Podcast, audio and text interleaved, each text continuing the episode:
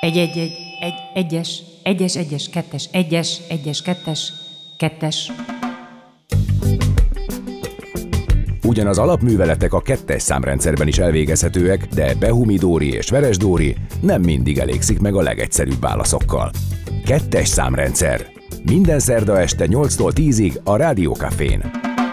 Sziasztok, szép délutánt mindenkinek! A Rádió Cafén a kettes számrendszert halljátok Veres Dórival, Behumi Dórival, és Szegál Viktor, séf, gasztronómiai tanácsadó a vendégünk. Szia! Szia, Viktor! Sziasztok! Bár lehet, hogy a szakácsot jobban szereted, mert mostanában van egy ilyen trend is, hogy séf vagy szakács, szóval, hogy beszéljük mondjuk Mi a magyarul a, különbség dolgot. a- Hát semmi van. Hát a tituluson kívül, meg az egódon kívül valójában nem. Konyha főnök vagy, vagy ahogy én mondjuk tanácsadóként dolgozom, és nem, már nem mint séf, hanem séfekkel dolgozom, és úgy le, lefele a szakácsokkal, de a nap végén főzünk, igen. Uh-huh. Az a vége. De akkor azért ebben van egy hierarchia, nem? Tehát, hogy van a szakács, aztán van a séf, és aztán jössz te. Nem. De most nem egy szinoníma a kettő? Nem. Nem. Nem, nem, hát mondjuk, ha például veszek egy nagy szállodát, ahol dolgoztam, és volt alattam 120 ember, és még fölöttem is volt egy séf, akkor, akkor hát ott, vagy. Hát ott elindult a komitól, meg volt demi-séf, meg chef de party, meg Ja, junior sous-chef, sous-chef, senior sous-chef, executive sous-chef, és akkor még operation chef, és akkor sorolhatnám még a Na titulusokat. várjál, például mondjuk az executive és az operation chef között mi a fene a különbség? Hát például egy ilyen nagy operációban konkrétan ö, van egy executive chef, aki a séf, Aha. és mindenki alatta tulajdonképpen neki dolgozik. Uh-huh. És az operation chef az csinálja a napi operációban szükséges Aha. dolgot, de neki is van egyébként egy titkárnője, ugye vannak szúséfek alatta mindenféle rangokban. Na de a szúséfek viszont azok nem, akik mondjuk az egyik a szószért felel, a másik a húsért, a harmadik a zöldségért. Hát ö, ha kis, kicsibe igen, nagyobbakba itt már ez inkább úgy néz ki, hogy melegkonyha. Én például séf helyettesként, ugye a séf alatt voltam, ugye nagyon sok pozíció párhuzamosan is megy, de én például öt, öt étteremért feleltem konkrétan, ahol szintén voltak ugye séfek. Tehát uh-huh. ők is séfek voltak a maguk pozíciójában, de én voltam fölöttük, és fölöttem is volt. De a lényeg az egészben az, hogy ez igen egy hierarchikus, ahogy a katonaságban is. Itt mindenki tudja, hogy ki, kinek van alárendelve. Tehát, hogyha most bemutatlak még egyszer, akkor nem mondjam, hogy szakács, de igazából azt sem mondjam, hogy séf, mert hogy már tulajdonképpen a hierarchiában e fölött állsz. Hát figyelj, tulajdonképpen bármit mondhatsz. De nem, de mi esne jól? Te hogy mutatnád be magad? Én általában azt mondom, hogy, hogy főzök. Jó, akkor így fogjuk, hogy Szegál. Viktor a vendégünk, aki Aki főz. főz, igen. De a nap végén mindig így van. Tehát, hogyha elmész tanácsot adni, amit majd mindjárt elmondasz, hogy ez miből áll, vagy ezt hogy kell elképzelni, akkor tényleg egy, egy főzésbe torkollik aztán az egész? Nem feltétlenül, ami nagyon érdekes, hiszen az elején azt gondoltam, hogy ez tényleg erről fog szólni. Egyrészt a legfontosabbot tehát maguk a csapatok értsék meg, hogy, hogy én miért vagyok ott, hogy mit szeretne igazából a tulajdonos elérni. És hogyha ez a része megvan, és értik, hogy mi a, mi a cél, és mit szeretnénk, na ott derül ki, hogy valójában mennyire ö, felkészült az a csapat, mit akarunk tőlük, ők egyáltalán mit szeretnének, hiszen rengeteg ötletük van nekik is, sokszor nem is mondják. Szóval, hogy nagyon sokszor többet beszélek, mint főzők, és így érünk el jobb eredményt, és van, hogy pont fordítva történik. Na most mi nekünk rögtön felmerült a kérdés a Doriban, amikor beszélgettünk rólad, hogy ez most lehet, hogy csúnyán mondom, hogy így szokott lenni, de ez a tapasztalatunk így kívülről nézve a szakmátokat, hogy aki olyan úton halad, mint te, hogy elvégez itthon egy iskolát, de aztán azonnal kistartól külföldre, és megpróbálja bejárni azokat a konyhákat, egyre nagyobbakat, egyre izgalmasabbakat, ahonnan magába tudja szívni a tudást, akkor jellemzően azért, ha hazajönnek ezek az emberek, akkor nagyon hamar vágynak arra, hogy valahol egy jó pozíciót, valamelyik konyhában, jó, jó neves étterem vagy szálloda konyhájában jó pozíciót vívjanak ki maguknak, és előbb-utóbb legyen egy saját helyük. Te hogy, hogy nem ezt az utat választottad, hanem tulajdonképpen egy kicsit nehezebbnek tűnő ö, utat, hogy neked folyamatosan konyháról konyhára kell járnod, és hogy nem egy ilyen ego kiteljesedésbe vágtál bele. A konyha az ego, nem? Abszolút így van. És én láttam ezt a sok óriási egót. Én akkor döntöttem el, hogy nem szeretnék olyan lenni. Ah, De uh-huh. például az is érdekes, hogy ma már fura kicsit a trend talán, de nagyon gyakran azt látni a séfeknél, hogy ma már nem igazán szeretnének ők úgy saját helyet, hogy ez az övéké. Az, hogyha valaki szponzorálja, uh-huh. és ugye nagy befektető egyebek, úgy igen, úgy sem biztos, hanem inkább megmaradni abban a fajta állásban, ami egy biztos dolog, hiszen a, az én munkám így nem biztos, hogy van egy havi fizetésem, és akkor tudom, dolgozom, és, és akkor mindig ugyanazt csinálod, akkor legfeljebb elmész máshova többért csinálni pont ugyanazt. Tehát, hogy az egy sokkal kiszámíthatóbb dolog, és ezért sokan azért ma már inkább félnek. Tehát ennek a fajta egónak, ennek persze meg kell lenni mindenkinek, különben nem tudsz odaállni és elmondani mindenkinek a tutit, hogy akkor ezt így kell csinálni, és akkor mostantól ez így működik. Persze, hogy kell hozzá. De ez kell az a fajta tudat is, meg az is, hogy szeressél edukálni, legalábbis az én részemről. És itt jön az, hogy miért ezzel foglalkozom, uh-huh. mert nekem ez a része nagyon fontos. Tehát hmm. nekem, nekem a konyhában is az a, és volt egy nagyon érdekes tapasztalatom, még külföldön dolgoztam, és hát nem is tudom, egy pár hete dolgoztam egy új helyen, és oda jöttek a tulajdonosok, hogy ők, hát most ők végignéztek itt egy estét, nagyon sokan voltak. Tíz éve megy ez az étterem, de hogy ők ilyet még sose láttak, hogy ilyen csönd volt a konyhán. De hát mondom, hogy mi ebben a fura, ha mindenki tudja, mit kell csinálni, akkor ugye nincs miről beszélni, csak egy-egy szót válaszolnak, hogy igen, rendben van, nincs rendben, mit yes, De így van, de hogy ennél több igazából nem kell, de hát ez nekik egy teljesen, ők így újra értelmezték a világot, amiben éltek, mert ők ahhoz voltak szokva, hogy ugye a séf az üvölt mindenkivel, velük is, a felszolgálókkal, a, tehát, hogy mindenki másképp éli ki ezt a fajta vágyát. Én azt mondom, hogy aki velem dolgozik, az nem félelemből. Tehát, hogy ne azért csináld meg az ételt úgy, ahogy én szeretném, mert tőlem félsz, hanem mert te igényes vagy. Na és én ezt a fajta igényt szeretném, eh, szeretném elérni, és ezt szeretném, hogy, hogy ők is megértsék, és utána bárhová kerülnek, már ne, ne adják lejjebb a, a saját értékükből. És ez igaz az alapanyagra, az igaz arra, hogy milyen körülmények között dolgoznak, hogy hogy választják ki a munkatársaikat.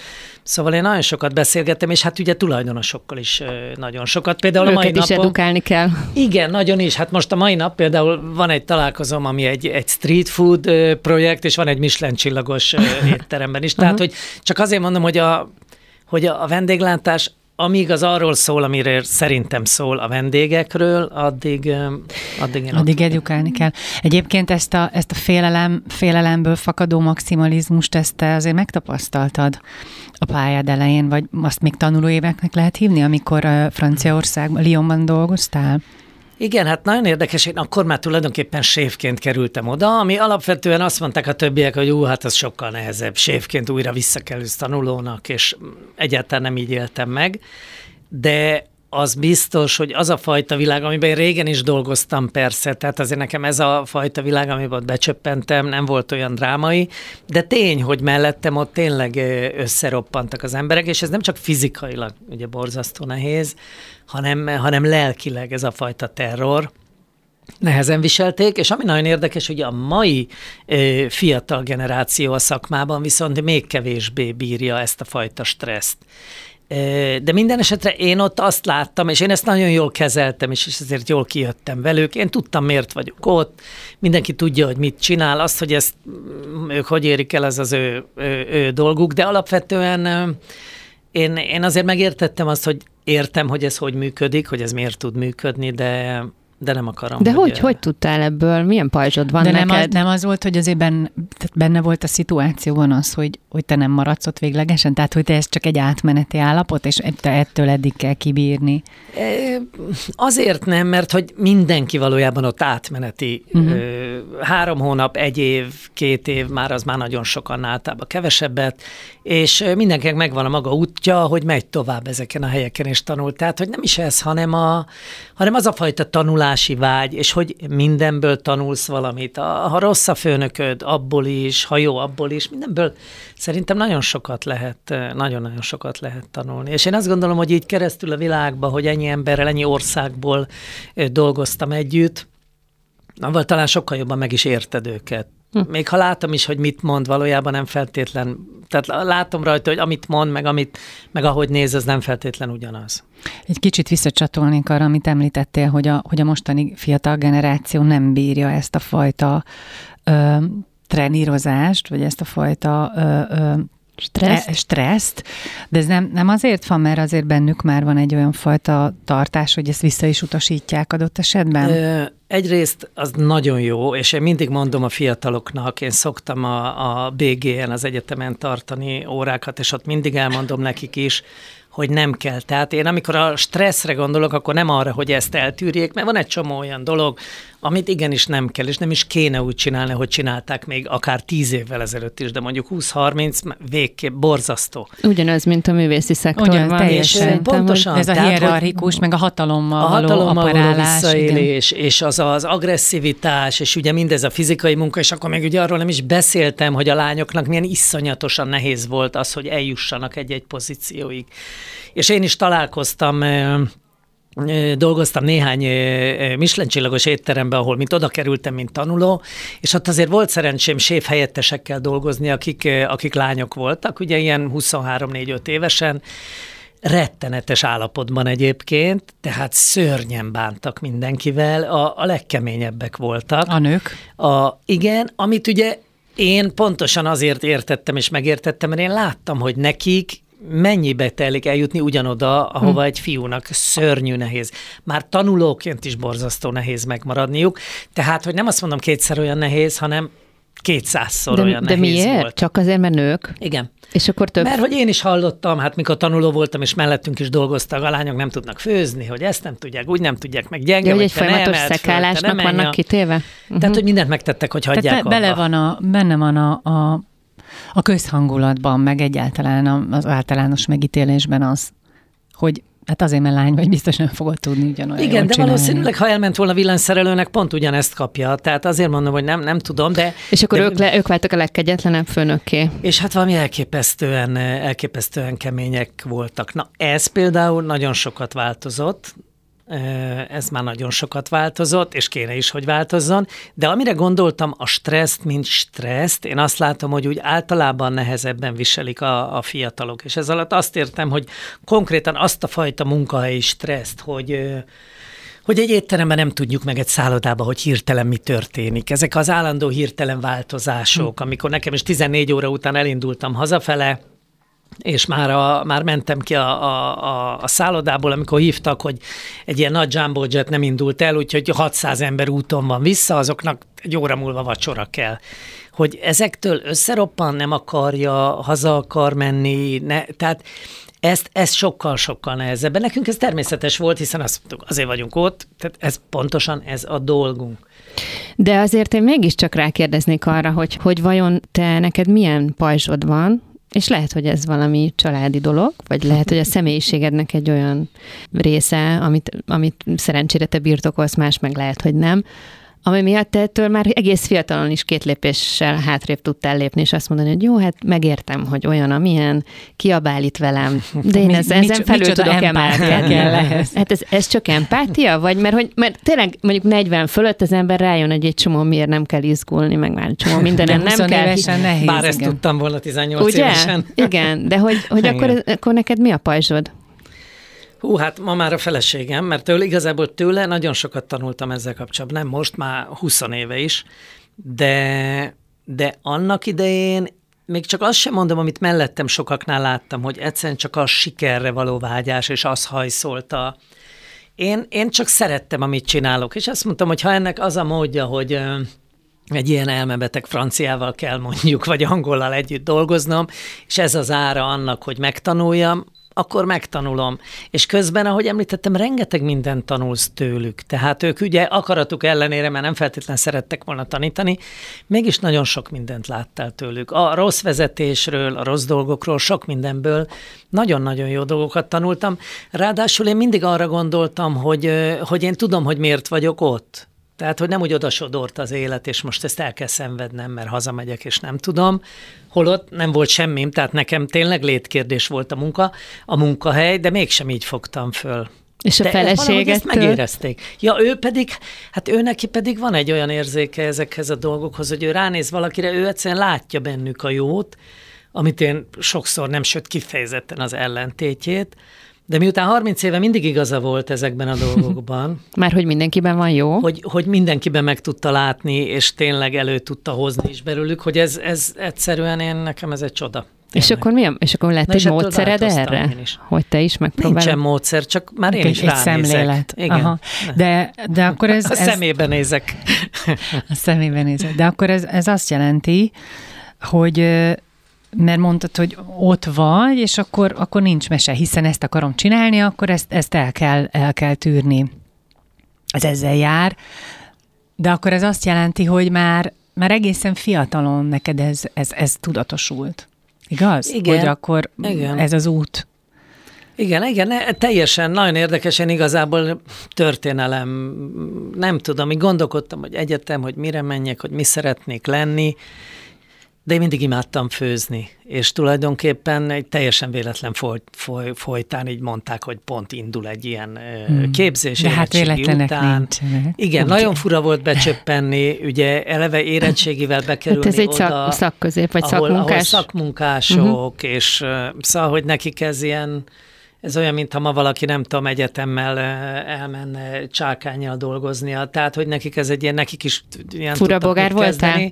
Meg hát fura volt ez a rettenetes káromkodás, és valami szörnyű, de nem csak itthon. Mert hát ti a gimnáziumban nem káromkodtatok? Mert egy ilyen értelmiségi családból jöttél, és nálatok nem, ká- nem káromkodott senki. Hát néha édesanyám vezetés közben, de azt is meg tudnám számolni szerintem egy kezemen. De kérdezték is tőlem, hogy így nem is tudom, pár éve valaki kérdezte, hogy de mi volt volt az a, a legcsúnyabb dolog, amit te mondtál? Atya ég, így gondolkodtam, hogy hát én azért így nem igazán mondtam soha semmit, és eszembe jutott, hogy mi, mi volt az, amivel, amivel a legjobban megbántottam valakit, mert és már itt sok ideje láttam, tehát, hogy együtt dolgoztunk, és tényleg szörnyű, szörnyű volt uh, ember, és tényleg ő minden nap nagyon sok rosszat Be, tett benne az emberekért. nem láttad meg akkor még a nem, jót. Nem láttam benne, és ezt mondtam is neki, hogy, hogy rám nézett, és most mit nézel? Mondtam, csak azt, hogy most jöttem rá, hogy te, te nem vagy jó ember. Jó. És ettől tényleg teljesen összeroppant, és akkor rájöttem, hogy ezek szerint mégse rossz ember, hiszen egy rossz ember nem roppan le össze egy ilyen dologtól. Van. Uh-huh. Úgyhogy soha többet ilyet nem is mondtam. Te azt mondtad, hogy akkor a gimnáziumból elmentél ebbe a szakmunkásképzőbe, ami egy, ugye egy másfél év ö, ö, szakácsképző, és azt is mondtad, hogy aztán később te m, rájöttél, most sok évet átugrunk, hogy tulajdonképpen ez az edukálás, ez neked egy izgalmas dolog. Na most azt, ha jól tudom, Magyarországon a szakácsképzés még mindig nagyon sokak által szidalmazott, nagyon rossz for, formát hoz, vagy fut. Szóval, hogy itt bizony lenne dolgod, hogyha esetleg lenne hozzá kedved, vagy affinitásod, hogy vajon az nem jutott eszedbe, hogy akkor az itthoni szakácsképzésbe úgy bekapcsolódj, hogy kicsit ezt segítesz megreformálni, mert hogy Hát az én tudásom erről annyi, hogy én is elvégeztem ezt egyébként tizenvalahány évvel ezelőtt, és emlékszem, hogy abban az évben egyszer sem került elő az olívaolaj szó. és, és ez de nagyon az olívaolaj sem. Sem, hát nyilván, de hogy, hogy, szóval, hogy, hogy akkor ebből lehet úgy, ugye azt úgy, úgy nagyjából következtetni, hogy milyen mondjuk hanyas évek szakácsoktatása ö, fagyott meg itt Magyarországon. És meg mindig ugyanezt történik, azzal együtt, hogy ráadásul fantasztikus szakoktatók vannak, akik aztán tényleg erejükön felül próbálnak megtenni mindent, de ugye én látom az egyetemen is, akik már tovább mentek, de szintén a gasztronómiában, a turizmus, hotel vonalon mennek tovább, hogy, hogy tényleg nem kaptak olyan jó képzést. De én is, amikor kikerültem 19 évesen külföldre, és egyébként volt egyfajta ilyen bizalmat, hát csak elvégeztem egy iskolát, és kikerültem külföldre, és azt láttam, hogy mindenki sokkal-sokkal többet tud. Most nem csak arról, hogy hogy mindenki beszélt rengeteg nyelvet, hogy mindenféle szakszavakat tudtak franciául, néztem rájuk, mint az Istenre, hogy micsoda szavakat hm. használnak a szószokra, és a nem tudom, mert mi ugye barna mártást használtunk, meg nem tudom. A hát ugyanaz franciául, nem Igen, csak... cukrászok meg sár, sárga krémet, és nem kremanglészt, meg nem tudom, és akkor, és akkor egy idő után az úgy viszonylag hamar kiderült, hogy ettől ők még se nem szorgalmasabbak, se nem okosabbak, annyival tudtak többet, amennyivel az iskolából kijöttek, de ez hónapok kérdése, és ez a fajta különbség eltűnik, hm. és onnantól kezdve tényleg az számít, és én erre hamar rájöttem külföldön is, hogy ebben a szakmában az a nagyon klassz, hogy itt pillanatok alatt kiderül, hogy milyen alázat van benned, milyen kitartás, ezért előre tudsz jutni. Tehát mindegy, milyen suliból jössz, hogyha bemész egy profi konyhába, pár hónap alatt, hogyha megvannak benned ezek a képességek, akkor ugyanott tarthatsz. Így van, és én ezért mondom a fiataloknak, hogy elvég melyik iskolába menjen.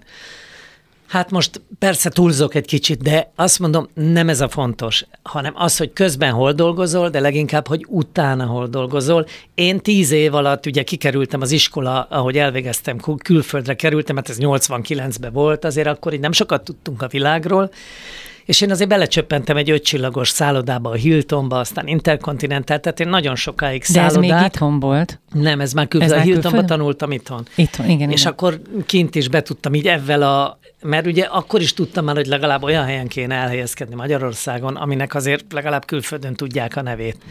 És, és ez be is jött, de, de az, az biztos, hogy ahogy ott elkezdesz dolgozni, akkor látod, hogy hogy egyszer mindegy, hogy milyen világból jövünk, hogy a közel-kelet, hogy a távol-kelet, a vallások, a, semmi nem, semmi nem számít igazából. Egyszerűen itt tényleg az számít, hogy te hogyan dolgozol, hogy, és ez nekem mindig nagyon tetszett, hogy így kicsit így levetközi mindenki a kinti dolgát, és nem csak mint rituálisan átöltözöl fehérbe és bemész, de hogy ebbe, ebbe ez is benne van, és tényleg így átváltozol. A feleségem mai napig mondja, hogy fölveszed a sévkabátot, Szóval mindig úgy valahogy úgy megváltozik az arc kifejezésed. Tényleg? De jó irányba. Mi, miről mire? Igen, igen, miről igen. mire? Nem mertem megkérdezni. Na de várjál, de az alapkérdésem az volt, hogy nem érzed azt, hogy neked itt akkor részt kéne ebben venned? Ja, igen, bocsánat, igen, hogy elkalandoztunk, hogy hát tulajdonképpen ezt teszem valójában akkor lenne érdemes, hogy itt tényleg az alapok megváltoznának. Tehát, hogy maga az oktatási szisztéma változna meg teljesen, amire sok éve már vannak. Tehát, hogy ez előbb-utóbb meg fog történni. Addig pedig az a fontos, hogy a fiatalok menjenek el és olyan helyen dolgozzanak, ahol, ahol tényleg azt érzik, hogy tanulnak azzal együtt visszatérve a stresszre, hogy én azt is elmondom nekik, magamból is okulva, hogy ha reggel gyomorgörcsel mész be a munkahelyre, akkor nem menjél be, akkor, mm. akkor keres másikat. ne oda jár dolgozni. Amit jegyzem meg, ugye a mi szakmámban meg is tehetnek, hiszen azt tudjuk, hogy milyen óriási hiány van a vendéglátásban. Kettes számrendszer. Most a Rádiókafén. Fel akartam dobni egy olyan témát, amire nagyon kíváncsi vagyok, hogy mi a reakciód hogy én érzékelek egy ilyen társadalmi vitát, ami nem persze nem egy kiélezett valami, de hogy azért van egy ilyesmi a gasztronómiával kapcsolatban, hogy az egyik oldal azt mondja, hogy ez egy izgalmas, akár művészeti ágnak is mondhatnánk, és hát órákig lehet beszélni ízkombinációkról, hogy ha együtt teszünk valahol egy étteremben, akkor azt fejtegetni, hogy mi is, az, az tulajdonképpen mi ez a fűszer, és hogy ez egy nagyon-nagyon izgalmas ö, dolog. Mások meg azt mondják, hogy túl van értékelve egy kicsit az evés, túl vannak értékelve a séfek, hogy ők miért sztárok, hogy miért olyan rangban vannak, mint mondjuk egy képzőművész, sőt, hát még jobban, tehát hogy jobban ismerjük a nevüket, mint a kortes képzőművészekét. Tehát, hogy, hogy vajon miért van ez, és, és nem abból a dűből jön-e, hogy az ember mondjuk nem tud főzni, vagy odaégeti mindig azt a receptet, amit egy sztárséf könyvében olvas, vagy szóval, hogy van egy siker, nem, tehát egy sikertelenség élménye a konyhában. Te találkozol ezekkel a hangokkal? Nagyon sok minden hasonlóval, és egyébként csak erre a képzőművész, nekem vannak nagyon jó barátaim, akik kortárs képzőművészek, írók, egyébként mindkett, mind a kettő, vagy hát többen is egyébként, de hogy nagyon sikeresek. És velük erről sokat beszélgettem, és mondtam is nekik, hogy hát milyen könnyű nektek, megfestesz egy képet, megírsz egy könyvet, és az úgy Ott van. Marad, az, nem az, úgy, nem az úgy van, egyszer kapsz érte, nem tudom, a, a irodalmi Nobel-díjat, vagy csak bekerül a tananyagba száz év múlva mondjuk, adi mellé, és hogy a képed ott lóg a Nemzeti Galériában, mennyire klassz. Én pedig ezzel ugye egy este csinálok 40 adag, vagy 400 adag valamit, azt kezdem újra, de azt a 400-at is újra és újra és újra megcsinálom, aztán senki nem emlékszik rá majd, hogy, hogy vagy egy ideig talán igen, de hogy ez nem az örökké valóságnak. És erre mondta a hálózatkutató barátom, aki ott ült, hogy na látod, itt van az, holnap felkelsz, és mostantól az örökké valóságnak kell dolgoznod. Úgy gondolj, ha könyvet, ha bármit, hogy ez így a jövő, és a De mondtam, én nem szeretnék, engem nem érdekel, nekem, én nem akarom, hogy ti szeretnétek, ha szobrotok lenne majd a, a Vörös Marti téren. Én nem szeretnék ilyet. Nekem most sikerélményem van, és szeretem, hogy ebből mennyi marad fent, vagy nem, hogy 200 év múlva valaki emlékszik rám, baromira nem érdekel. Titeket az ego hajt, én meg sikerélményt keresek. Ez nem ugyanaz? Na, erről nem beszéltünk többet, igen.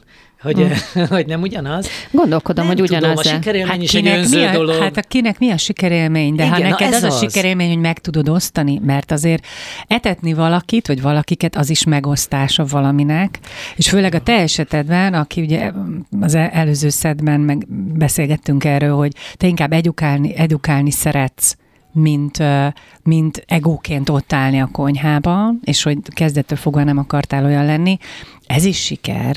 Tehát nem Igen, kell, hogy az egó mi a benne siker? legyen. És nekem a Barabási Hát, Albert bo- László az nagyon jó barátom. haza. Ó, És vele sokat beszéltünk, sőt, még a sikerről írt könyvébe bele is írt a köszönetbe, amit Hmm. külön értékelek, mert hogy én tök másképp látom, mint a... Tehát ő, és általában ugye az emberek mérhető a sikert, mérni szeretnék. Tehát általában mérik. így, ahogy mondtad, időben, Igen, hogy igen. sokáig emlékezzenek Igen, rám. sokáig a hivatkozás szám, a nem tudom, hányszor Kattintás értékel, szám. hány, a, a ezer Követő dolog, szám. amit mérnek. De ha én hazamegyek és sikerélményem van, azt mérhetetlen, de nekem nem az a, tehát nekem ez a font, nekem az a siker, tehát hogy, hogy mitől, ugye szerintük a sikerélmény az egész máshol. Siker az, ha tudják, hogy sikeres vagy. Uh-huh. Igaz? És ezért érzed úgy, hogy állandóan föl kell rakni valamit az Instára, meg a Facebookra, meg el kell mondani, hogy sikeres vagy. Miért kell? Tőlem is kérdezik, hát hogy nem meséled el, hogy ennyi helyen dolgozol külföldön? Hogyha nem mesélem, most beszélgettünk. Hát igen, de hogy ő nem látja, meg nem hallja elégszer, és Hát figyelj, hogyha mondjuk De a következő ego, munka nem? csak Az már- akkor jönne, hogyha esetleg te így kommunikálsz magadról, akkor nyilván megtennéd, de te már valószínűleg vagy abban a pozícióban, hogy adják a nevedet, a telefonszámodat, és nem kell ehhez még egy ilyen nyilvános kört futnod, nem? igen, ahogy tudod, ahogy szokták mondani, hogy ja, hát neked könnyű. De hogy könnyű miért? Mert egy hónapban mondjuk én 28 napot dolgozom, az a séf, aki ezt mondta nekem, az dolgozik 13, talán 15-öt egy hónapban, uh-huh. és utána 15-öt meg nyugiba van, és tényleg el van. Én dolgozom, utazom sokat, meg sok mindent csinálok, de az javarészt munka.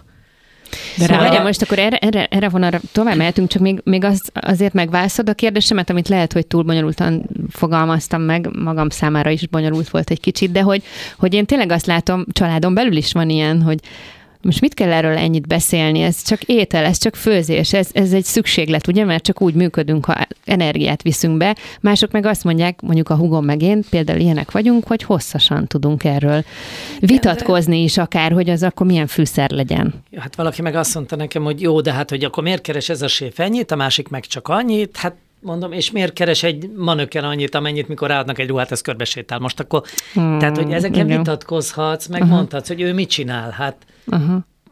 Most nem mondom azokat az ismerősömet, akik ebbe az üzletben vannak, és mindig mondják, hogy a biodíszletek és mindenféle ilyen csúnya szavakkal illetik uh-huh. a, azokat, akik ilyen hosteszektől uh-huh. a manökenekig és, és egyéb ilyen modellekig, de hogy, és ezeken is lehet vitatkozni, meg hogy miért keres ennyit egy focista, meg Akkor úgy kérdezem, hogy szerinted a gasztronómia az igazából egy művészeti ág?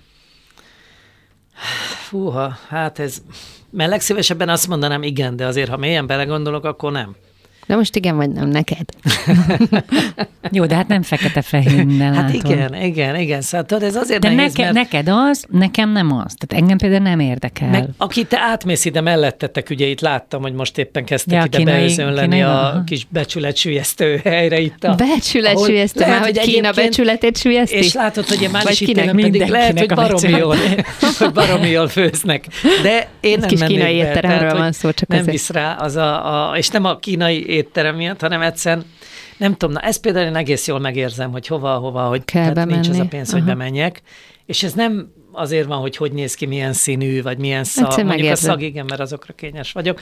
De hogy, szóval, hogy ez is, ennek is fontos szerepe van, és ezt is lehet baromi jól csinálni, mint ahogy itt az irodaházakba körbe, vannak helyek, ahol nagyon jól csinálják a rakott krumplit, van, ahol meg rosszul. Uh-huh. De az meg már csak a szakácsnak a lelki ismerete, meg az ő alázata, hogy hogy dolgozik. Tehát, hogy a fine diningra mondják, hogy na, hogy még kicsit, és akkor majd elmegyünk az étterembe, és egy vagyoni réhen halunk, meg minden. Egyrészt ez nem így van. Nálunk ezt elmosogatják. Nem így van. de, ne, de hát ott ugye egy sor teszik az ember, nem egy két Pontosan, tányért. meg akinek erre igénye van. De azért azt lássuk be, hogy arányaiban, amennyit beszélünk a, a fine diningról, meg az ételekről, az valójában mennyi a világ, tehát az egy százaléka talán, vagy annyi, uh-huh. akik mondjuk ilyen helyekre járnak rendszeresen, és nem azokról beszélek, akik gyűjtenek pénzt, vagy ha olyan helyen járnak, és elmennek egy ilyen étterembe egyszer, házassági évforduló, szülinap, hanem akik járnak rendszeresen.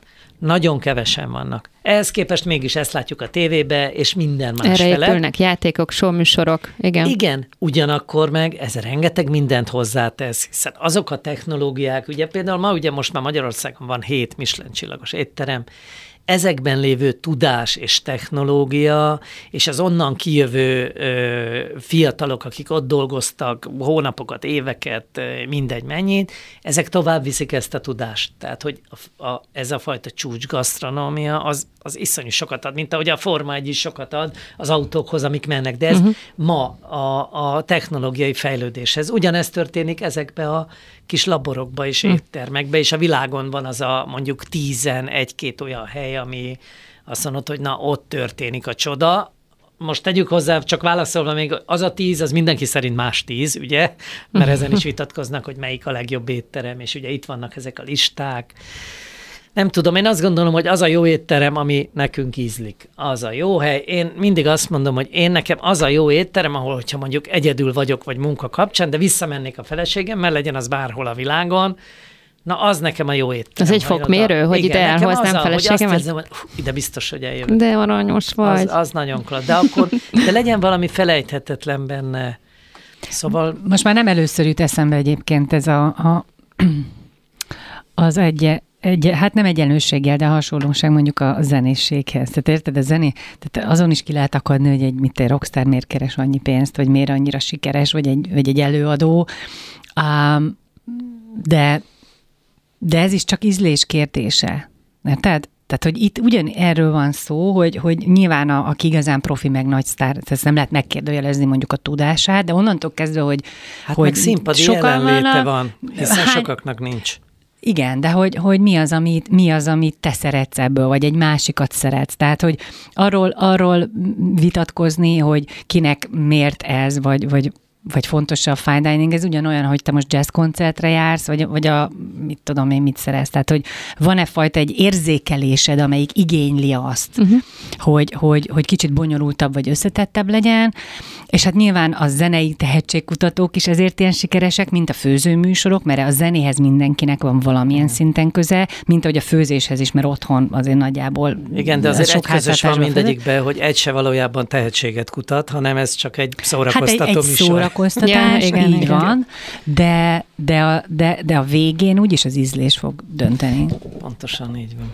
Te egyébként mit szeretsz a konyhában? Milyen zajt? Vagy mit, mit, most az jut hm. eszembe, hogy az ember beleképzeli magát ezekben a filmekből lát, látunk ilyeneket, mert ritkán jutunk hátra Van egy, egy sorozat különben a, a, a Netflixen, amit nekem eh, Barcelonában dolgozom most már, hát most már lassan két éve, és pont az ottani séfe mondta, hogy... A mackóra gondolsz? Igen. Szuper. És mondta, ú, nézd bele, hogy milyen jó, és akkor megnézem, és felhívom, te mondom, figyelj, hogy ebben nekem mi a pihenés? Tehát, hogy mi, mi a fene van ott, amit én nem élek nap, mint nap? Tehát, hogy, Mondjuk ez egy kemény világot ábrázol a mackó. Hát igen, de még, még az is kicsit szépítve van, én azt nem mondom mondod, sokszor. Tehát, komolyan. hogy azért ennél keményebb van, aki esetleg ismeri, ez egy nagyon-nagyon nem ismert film, de van egy, most nem tudom, az angol címe az azt hiszem, hogy annyi volt csak, hogy a Szúséf, egy amerikai film.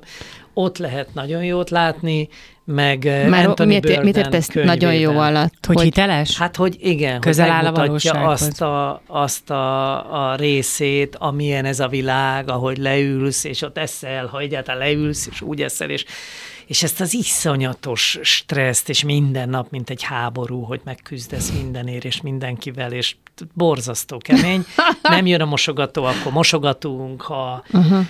Szóval, na, elképesztő dolgok, meghal a vendég, meg nem tudom, tehát, hogy ott mindig, valami mindig történik az étteremben, vagy mondjuk egy perccel miután a, a, a, vendég. a, a vendég elmegy, leszakad a plafon pont, ahol ült, és, és nem jön meg a beszállító avval a hallal, amit egy hónapja kértem, mert erre a rendezvény, tehát, hogy mi állandóan megoldunk, mindig, mindig megoldunk, meg kell oldani, soha nem tudod, mi fog történni az Na nap. most ezt nagyon negatívra fested el.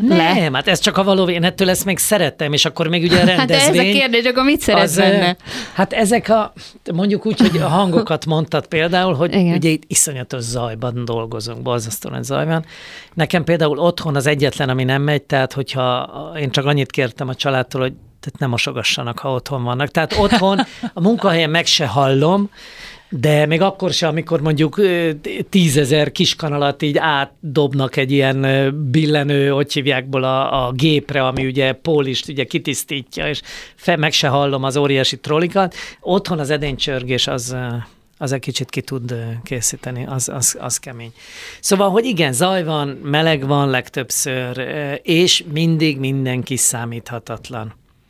Én, de én szerettem, tehát, hogy ez... Na jó, hát és hát akkor tényleg kell egy teljesen szeretjük. sajátos idegrendszer. Szóval Igen, ez nem elég az van sikerélmény. De ez, nem, az nem. Ez empátia, ez nem elég. Figyelj, de most már többször ide jutunk egyébként, hogy ez milyen kemény munkakörnyezet, hogy tényleg van ennek ekkora tétje, hogy az finom lesz az a libacomb ennyire? Nem, a, ennek az a tétje, hogy kimegy egyáltalán a libacomb. Minden más, az csak utána jön. Tehát ez, ennek a fajta stressznek, amit mondtam, itt az a tétje, hogy ott legyen az étel, kikerüljön az étel, és melegen kerüljön ki. Azt, hogy az hogy készül el, készül el, hogy van fűszerezve, hogy az embereid azt úgy csinálják meg, ahogy te szeretnél, az, egy, az, az megint egy teljesen másik dolog, de Hát, hogyha az a tét, hogy egy Michelin csillagos étteremben, ahol egy, egy, mondjuk fizetsz 150 ezer forint per főt, vagy akár többet is attól függően, hogy, az milyen, hogy ott milyen ételt kap a vendéget, annak iszonyatos nagy tétje van. Mert ha nem kapja ott, mi lesz? Hát mondjuk a munkádnak annyi, akkor uh-huh. ott, a, ott a vége. Tehát mellőlem is mentek úgy el séfek, hogy hogy, hogy pillanatok alatt már nem voltak ott, csak azért, mert éppen a kacsa, az egy, pont egy kacsa mell volt, azt... Nem volt rozé. Igen, mert ott az volt a tét, hogy 2, 12 óra 13 perckor ki kelljen menni, nem is mondom kinek, hogy, mert az egy ilyen nagyon fontos, hogy hívják volt, ez külföldön történt. Hát most már muszáj és 12 hogy kinek, hogy... akkor nem ment ki az étel, hanem kiment csak 23-kor, ami 10 perc késést, na ilyen nincs. Tehát 10 percért kirúgnak? kirúgnak, de azért kirúgnak, mert neked az a feladatod, hogy az kimenjen, hogy annak mi az ára, az már a te, hogy Ami neked ott azért mit érdekel. kell küzdened. Te is egy első ilyenér, ez egy, egy, az első ilyenér megy, megy a kirúgás? Vagy van hát, valami? Ez nagyon függ, hogy attól, hogy milyen munkahelyen dolgozol. Uh-huh. Tehát... De egy Michelin csillagos étteremben megy? Tehát, hogy ott nem is feltétlen Michelin csillag, de például történt olyan Dél-Angliában, ahol megérkezett Franciaországból a híres séfhelyettes, akire már nem tudom mióta vártak, és a séf mondta, hogy reggel akkor kezdünk hétkor, és megérkezett a francia séf 7 óra 2 perckor, a séf föl se nézett, mondta, hogy ki vagy rúgva. Nem mondott komolyan. És, és, és ki volt rúgva. Tehát itt nem az volt, hogy ne csináld már, most tényleg most viccelsz, vagy ott nem, ő is tudta, megfordult haza. Nem mondjátok, hát ez egy katonaság. Szóval, meg. Katonás. Hát én ezt mondtam nektek az elején, igen. hogy ez olyan, mint a katon, Most már én is ezt mondtam. Igen, igen, igen. sokkal keményebb. Tehát, Aha. hogy persze van ez is. És azért, mert Michelin csillag, meg azért, mert híres embernek főzöl, és azért, miért itt mellettünk a kicsi étteremben nem ugyanolyan fontos, hogy aki bemegy most az irodából ebédelni, átmegy, hogy ő jót kapjon pontosan ugyanolyan fontos, és ezért mondom, hogy ez attól függ, aki ott van a konyhán. Igen, de ha meg messziről nézed, de nagyon messziről, akkor ez az egész egyáltalán nem nagyon fontos. Messziről. Addig, amíg nem te mész be, és nem te fizetsz annyit. Nem, én pont ezt akartam mondani, hogy, hogy én soha nem kerülnék olyan helyzetbe, hogy hogy, hogy tehát most már is ment a kedvem attól, hogy ilyen helyekre bemenjek, mert egyszerűen nekem nem fér rá az arcomra, hogy én csak megeszek egy tálételt, és emögött ilyen borzalmas stressz van, stressz van és, és áldozatok. Most csak és vére, Dori. véres áldozatok, most, most csak rendelek. De miért? Mert a, szerinted a hetes buszvezetőnek nem stresszes az élete? Meg a de, gondolj de. bele hány dolgot. Miért is az enyém nem stresszes, vásárolni. hogyha hamisan énekelek, az, az ugyanolyan, mert de az emberek én ugyanezt gondolom mindegyikről. Össze összességében, hogy nem, nem. hogy ti mit dolgoztok azért, hogy egy ilyen műsor összejöjjön, hát akkor nem hallgatunk igen. többet rádiót? Vagy hogy? Éppen azért kéne hallgatni a rádiót. De nem kéne így gondolni erre az egészre, hogy ez számít. Erről van szó? Nem Ezért számít. nem megyek be a Ha színházba elrontom a rádióba valamit, elrontok egy kérdést, nem számít. Ha te hamisan énekelsz, nem számít. Ha kicsit késik a busz, nem számít. És szerintem az se, hogy nem jött ki 13 óra 13 perckor az a, az a kacsa, mert Ebbe hogy igazából nem számít. Tényleg nem. És borzasztó, hogy így, így Akkor emberéletek. szépen, a kettes számjegyzet hallottátok. De nem, csak ezt eredeti- inkább úgy kéne, hogy nem, tehát lehet, hogy rosszul fogalmaztam, nyilván számít, mert fontos dolgok Nem, én ezek, mert- értem, értem. de hogy emiatt ne hújjon már egy fej. ne hújjon egy fej, és, és, és ne, mert ez, mert oké, okay, hogy alapvetően ez hozzátartozik, de, de valóban nem éri meg a véres verej. Tehát, hogy nem, Nem éri meg a bántást, vagy a negatív bántást, Meg a következményt. bullyingot, mert azért itt, ha, ha, ha jól értem, akkor itt ez egy nagyon bántalmazó közeg. A konyha. Én azt gondolom, hogy ma nagyon-nagyon sok változott, és ez többek között annak is köszönhető, amiről beszéltünk, hogy, hogy egyszerűen a fiatalabb generáció ez sokkal kevésbé tűri el, ami, ami nagyon-nagyon, ami nagyon jó dolog. Ettől függetlenül szerintem azért még sok mindenen, tehát hogy ezen a részén is van mit, van mit dolgozni, de óriási fejlődés. Tehát én ma megnézem Franciaországba, Olaszországba mondjuk azért sokkal többet látok ilyen konyhákat belülről, már nincsen az a, az, a, az, az elképesztő agresszivitás és lábos haigálás, és nem tudom, ami, amik voltak régen. Tehát, Mert- hogy változik, változik. De én mondom is mindenkinek, aki ilyen helyen dolgozik, ott nagyon egyszerű, el kell jönni. És látom a séfeken, akiket ismerek, és tudom, hogy hogy viselkedtek, hogy már ők is változnak. Uh-huh. Aki, aki nem, annak egyszer nem marad embere. Ugyanis uh-huh. ma bárhova elmehetsz bármikor dolgozni. Lasszóval kell mindenhol keresnek. Tehát, hogy én azt gondolom, hogy, hogy nem túl jó, hogy emiatt, de én azt látom, hogy emiatt változik leginkább, hogy mivel nehéz ember találni, elkezdenek gondolkodni azon, hogy mégis meg kéne Meg egy picit te miattad is, mert te, ahogy elmondtad, meg mondják is rólad, sokkal higgadtabb, nyugodtabb vagy a konyhában, te embernyelven beszélsz a beosztottakkal, és érdekes módon, micsoda varázslat, így is tud működni egy konyha. De ezt, ha, ha jól olvastam, akkor ezt azért a, a távol-keleti tapasztalataid megerősítik, nem? Tehát, hogy azért, amikor ott dolgoztál konyhán Ázsiában, akkor ott, akkor az úgy volt, hogy nem emelhetted föl a, a, a hangodat, akkor nem csinálták meg. Mi? Pont az Nagyon érdekes, igen, például Ázsiában nagyon, ugye teljesen, mikor van alattad ennyire több száz ember, és ö, 15-20 országból jönnek, és ott azért teljesen másképpen beszélek egy, egy indiaival, egy, egy, egy vietnámi vagy filippinnel, és teljesen másképpen beszélek egy dél-amerikaival, vagy egy, vagy egy közel-keletivel, vagy éppen észak-amerikaival, meg európaival, tehát ezek a más, más. Mi az, hogy másképp más Hát beszél? úgy értve, hogy, hogy azok Más- például az ázsiaiak, nekem, tehát ők, nekik a kiabálástól egyszer megáll minden. Van, akikkel tudsz kiabálni, én azokkal se kiabálok, de pontosan látom, hogy vannak, vannak olyan országok és vannak olyan helyek, ahol a kiabálással igen sok mindent elérsz, sőt, valójában úgy fognak tisztelni. De ez sem volt így igaz, hiszen engem mégiscsak tudtak kiabálás nélkül is. Tehát, hogy akkor, és erről én sokat vitatkoztam a külföldön is séfekkel, nehéz, akik ebben nőttek fel, és már több generáció így nőtt fel, az nagyon nehéz. Bár nagy dolgok történnek, hiszen például a Bocuse ami ugye a, a verseny a világon, Séfek és éppen most készülünk. versenye. Így van, és most volt a magyar elődöntő, és pár hét múlva lesz már a magyar döntő, és kiderül, hogy ki fog készülni már a világversenyre. Majd ezt- Na de hogy ott is például a, a zsűri, és én is, amikor itt az európai döntő volt, én is, én is a zsűri, a konyha zsűribe voltam bent, és ott mi azt is pontoztuk, hogy ők hogy beszéltek egymással. Tehát mm. például utoljára hangoskodást konyhán, hát nem is tudom, 8-10 éve volt az egyik országbeli séf, aki nagyon csúnyán ráripakodott a segédjére, hát az, az neki mondjuk három-négy, de lehet, hogy öt helyébe került a versenyrangsorba azonnal. Tehát, hogy ennyire fontos, és ezt csak azért mondom, mert hogy ez ugye normális lenne, hogy ilyet nem csinálunk, de hogy ez ugye alapvetően teljesen bevett dolog. Tehát az, hogy egy ilyen versenybe például ez bekerült, az, az szerintem egy nagyon-nagyon előremutató dolog. Nagyon. igen.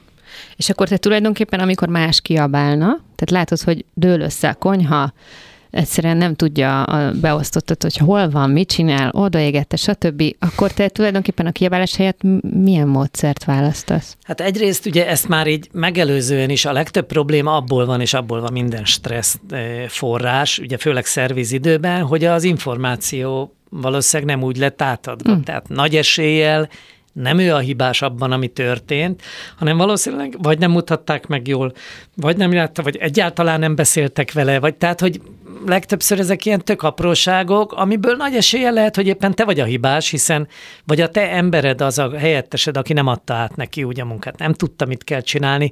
Tehát, hogy maga a kiabálással sok mindent nem érünk el, meg fog állni az egész szerviz, mindenki leblokkol, te kicsit úgy érzed, hogy te vagy a főnök, nem tettél hozzá semmit, az ügyhöz. És nem érted el az eredményt se. És egyáltalán. végképp az eredményt aztán nem érted el, hogy na ez megint, ez egyszerűen csak megint edukálás. És akkor megmutatod még egyszer. Ha nem mutatod mm. meg, akkor most mi lesz? Megint kiabálsz vele legközelebb? Mm-hmm. Honnan tudja? Tehát ilyenkor megmutatod. Igen. Ezeket a gyereknevelésbe is át lehet emelni, ezt a, ezt a hozzáállást. Javaslom sokaknak. Kettes számrendszer. Most a Rádiókafén. Egy kicsit hadd kanyarodjak a Bocuse ami aztán tényleg mondtad a séfek séfének a versenye, világversenye. És nem tükrözi a valóságot egyáltalán. Ezt is mondtad így adáson kívül, és persze ezt is ki fogjuk fejteni, de ugye te hol aktívabban, hol kis, kicsit távolabb, de mindig részt szoktál valamennyire venni ebben az egészben. Ha jól emlékszem, 19-ben voltál coach, Igen. ami azt jelenti, hogy akkor ott a versenyzőknek a hát az edzője, hát végül is ez így lehet fordítani, és akkor ti a középmezőnyben végeztetek. Te gondoltad ezt valaha, mert azért ez már jó pár éve volt, de azért a Bocuse történetében nem olyan hosszú idő, hogy aztán a Szél a másik csapata egyszer csak egy harmadik helyet elhozott. Ja, abszolút gondoltam. Gondoltad, igen, hogy igen, ideig igen. Hát tudunk menni, mi magyarok? Hát sokkal régen, már húsz éve is, és hát ugye ez volt a célja a, a, a Bokuszdor már, már a megalakulásakor. Már a magyar oldalon, úgy érted? Igen, igen, igen, a magyar oldalon, és egyébként, tehát, hogy oda kijutni magára a Lioni versenyre, úgyhogy 61-két ország szokott általában nevezni, ugye minden országból 6-8-10 van, hogy 15 csapat is indul, tehát ha belegondolsz, hogy itt több száz ö, konyha ö, csapatból kijut 20-24, attól függ éppen melyik évben, általában jó esetben azért 24-en vannak, 24 országból, hát az óriási dolog ott lenni. A középmezőnybe is, 24-nek is lenni. De a legnagyobb dolog az, az a dobogón állni. Tehát egy, kettő, három, óriási, óriási eredmény az, hogy... Hát pláne úgy, hogy a franciák meg a skandinávok szoktak, nem? Már így ez ilyen Igen, szokás. de főleg a skandinávok mostanában, és hihetetlenül tehetségesek, nagyon jól csinálják, és az, hogy Magyarország oda került, hát az meg, az meg óriási dolog. Ha megnézzük különösen azt, hogy azért itt a, az európai mezőnyből hány ország ér oda egyáltalán, tehát hogy ez így európai szinten is óriási dolog, ha megnézzük a, az, hogy milyen országok vesznek részt. Nem is beszélek ugye Kelet-Európáról. De miért gondoltad, hogy ez borítékolható siker lesz? lesz? Hát azért, mert ez ugye sok-sok éve indult el, két évente van a verseny, és ez, ez egyszerűen ez a fajta versenyzés, ez idő, ez tanulás, ez minden, minden kell hozzá, és legvégül pedig kell egy olyan csapat, meg kell egy olyan séf, amilyen a, a, a Szél Tamás, meg hát meg most ugye a, a, a Bence és a Patrik, akik, akikkel elérte, tehát hogy ez, ez, ez iszonyatosan nagy eredmény, és és tényleg például ez olyan dolog, és azok a magyar itt megrendezett európai döntők, amitől kicsit mi is úgy érezzük, hogy ott vagyunk az európai Bekerültünk a vérkeringésbe. Igen, és ugye rengetegen emiatt eljönnek ide, és megnézik az éttermeket, és nem csak a Michelin csillagos uh-huh. éttermeket, hiszen ne, ne, nem a Michelin csillagos éttermek a jó éttermek csak, hanem van még Magyarországon is száz másik, ami, amelyik jó étterem, és van, amelyik nem mondtál túl sokat kapott. Hát egy hát kicsi nem is tudtam volna azért szerintem... nagyobbat mondani, és a száz az szerintem nem egy rossz lehet, szám. hogyha belegondolok, már nagyon-nagyon nagy szám. Igen. Nem mondod. Egy coachnak mi a feladata egy ilyen versenyen? Hú, hát ez uh, tulajdonképpen egy komplex, de maga a versenyen uh, annyi mondjuk a, a verseny feladat. körül, akkor hát igen, mert a felkész, csak, nyilván a felkészítésben a, a felkészítés is egy, egy őrület, tulajdonképpen egy, egy őrület már ugye maga az európai döntő, hiszen az Euró, Európában is be kell kerülnünk a legjobbak közé ahhoz, hogy kikerüljünk a, az összes földrész körül, tehát bekerüljünk a 24-be a világból. És hát azért itt nagyon erős országok vannak persze. Ugye beszéltünk a skandináv országokról, és ha összerakjuk az összes országot, akik jól szerepelnek, akkor sehogy se fogunk beleférni, tehát hogy biztos, hogy sokkal jobbnak kell lenni. A verseny pedig azért ez egy több mint öt és fél órás verseny, tehát másodpercekre lebontva folyamatosan figyelni kell, hogy ki mit csinál, ellenőrizni, mondani neki, ugye ilyenkor nem szabad benyúlni a konyhára, csak beszélni lehet, úgyhogy hát ugye borzasztó zajba, Például ugye erről már beszéltünk, a felkészülés is így megy, tehát nagyon hangos, általában idegesítő zene megy a háttérbe, pont azért, hogy a versenyzők megszokják. Micsoda és direkt. kizárják, igen. De ez csak a felkészítés alatt, vagy magán hát a versenyen? Maga a versenyen ott ugye hát ott van egy van. nap, ugye 12, két napos a verseny, De... minden nap 12 ország. Kedves és 12... közönség van, nem láttad még? Nem, de... én, én csak arra vagyok kíváncsi, hogy ugye ott már nem szól a zene. Hol? A versenyen? versenyen? A versenyen, hát ott szól 12 országnak a, okay, de, a de... dobosai, a trombitások, a fütyülés, ja, a, ehhez igen, képest igen. egy, egy foci meccs, képzeld el. Hát egy foci meccs ehhez képest az kifejezetten csöndes és hát. szolid. Az nagyon-nagyon durva, uh-huh. hogy milyen hangzavar van. Azzal együtt, hogy ugye tegyük hozzá rendkívül békés csapatok, de, és ugye megy élőben nézik, még 60 ország közvetíti, tehát Nagy az én nekem volt stressz az életemben nem kevés, de, de azt hiszem, hogy ott lenni, az, az tényleg elképesztő stressz. Uh-huh. De on, onnantól kezdve, mert most ugye elmondtad, hogy, hogy hogy néz ki maga a verseny, és hogy ott a coach már ugye nem, nem szólhat bele, de azért nyilván ez egyébként szerintem még idegesítőbb lehet, mint csinálni dolgokat. Ez olyan, mint amikor a gyereked versenyzik, és ne lehetsz oda lefutni helyette, a, csak a pálya széléről ö, ö, ö, drukkolhatsz, de előtte menj, tehát hogy úgy képzeljük el, hogy onnantól kezdve, hogy az ételsort kitaláljátok, a technológiákat, tehát mindenben, akkor te ott vagy. Ez mint egy Forma 1 verseny, vagy bármilyen élsport, talán inkább azt mondom. Tulajdonképpen ez rendkívül hasonló. Kezdve attól, hogy felkelsz, hogy mit teszel, hogy mikor iszol, hogy, tehát, hogy hm. pff, ez iszonyatosan sokoldalú, a formák, amiket már 3D nyomtatóban nyomsz ki, és az, hogy melyik csapatnak mennyi ideje, pénze van a felkészülésre, hiszen ez, ez a fajta csúcs teljesítmény, ez nem, nem egy olcsó dolog. Viszont, ahogy ugye már említettem az előbb is, ez nagyon-nagyon fejleszti, tehát a gasztronómiának ez a fajta kísérletezés nagyon sokat ad. Tehát, hogy ahogy a itteni fejlesztés a magyar gasztronómiának, ez ugyanígy a, a többieknél is így van. Pedig pont ezt akartam kérdezni, hogy tulajdonképpen a felső, nem tudom én, tízezer játéka ez, a, hogyha úgy tetszik, hogy fogyasztóként, és még kevesebb ember játéka, hogyha a séfeket nézzük meg a, azt, azt a személyzetet, vagy nem tudom, azt a segítő tímet, akik körülötte vannak. Szóval, hogy mi az igazából, ami le, le tud szivárogni valóban, és mondjuk én, ha bemegyek itt valahová, akár a sarki étkezdébe, valahogy jobbat fogok emiatt tenni. Ö, igen, jobb, egyébként jobbat fogsz enni, pontosan azért, mert ezek a fajta technológiák, tudások, hogy, hogy hogy feszegetjük a határait egy-egy egy sütőnek, egy turmixnak, egy, ezek ugye bekerülnek a, a csúcs éttermekbe. A csúcs éttermekben dolgozók, azok legtöbben nem sokáig maradnak ott, azok elkerülnek máshova. És egyébként most pont itt, ahol ülünk és kinézek az ablakon, itt például pont szembe a sarkon van egy, egy irodai étkezde, ahol, ahol az egyik ismerősöm főz, aki egyébként előtte két Michelin csillag, sőt talán három Michelin csillagban is dolgozott, Micsoda? És itthon is járt nagyon sok Aha. helyen, de és ez, erre ne azt gondoljuk, hogy itt most ez valami hihetetlen nagy visszalépésnek éli meg. Nem, ő egyszerűen csak itt főz, nagyon jókat főz, és ezért ebbe az irodaházban mondjuk 15-ször annyian járnak enni, mint a másikba. Tehát, hogy, hogyha sikerről beszélünk, akkor ez is Nóri, siker. néz rám jelentőség teljesen, mert mi mindig ezen szoktunk ezért, uh, lamentálni, hogy hol legyünk. Hogy hol legyünk, hogy akkor most tudjuk.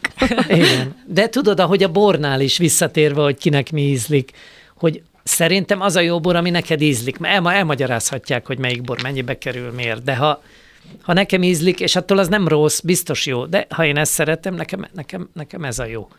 Így már értem, így már tényleg megértem, hogy ez a sok-sok-sok pénz, mert úgy tudom, hogy rettentő sok pénz megy a vakuzdorba, hogy az tényleg megéri, hogyha ilyen szinten is valahogy tudunk ebből profitálni, tehát akármi Hát meg ez nemzetközi kapcsolatok, ugye a gasztronómiai kapcsolatok, az a sok séf és gasztronómiát szerető külföldi, aki egyébként ide érkezik emiatt, azért az sokat hoz nekünk. Tehát mondjuk így országimás uh-huh. szempontjából ez, ez, ez rendkívül jó. De még egyszer mondom, hogy itt, ahogy mondta, tényleg kettő, két séf, egy coach, három ember, de valójában itt egy nagy csapat van körülötte, plusz rengeteg önkéntes, akik jönnek segíteni. A magyar elődöntő döntőnél, ha eljössz egy ilyen eseményre, látod, hogy ott nem, hogy több százan, ott több ezren vannak kint.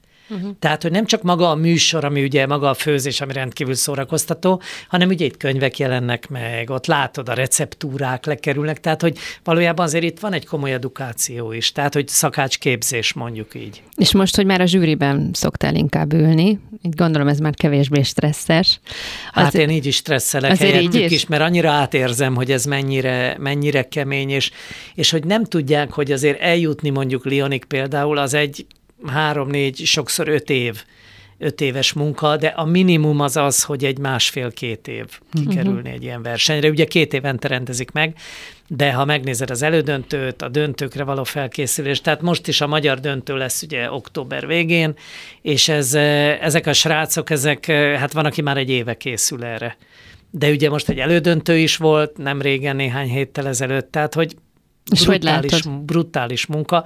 Hát évről évre lehet látni, hogy mennyivel jobbak és jobbak a, a versenyzők. Most már kiírták az alapanyagokat, a kötelező fogásokat? Hát a nagyver, nem, azt még nem tudjuk. Azt, azt mikor még nem ki? tudjuk, hát reméljük, hogy lazac lesz, mivel Norvégiában lesz a verseny, Aha. és arra a, szerintem arra készül ma, ma a világ, vagy hát pontosabban ugye az európai, tehát az Európa valószínűleg erre készül, és lehet, hogy jól meglepnek minket, és nem ez lesz.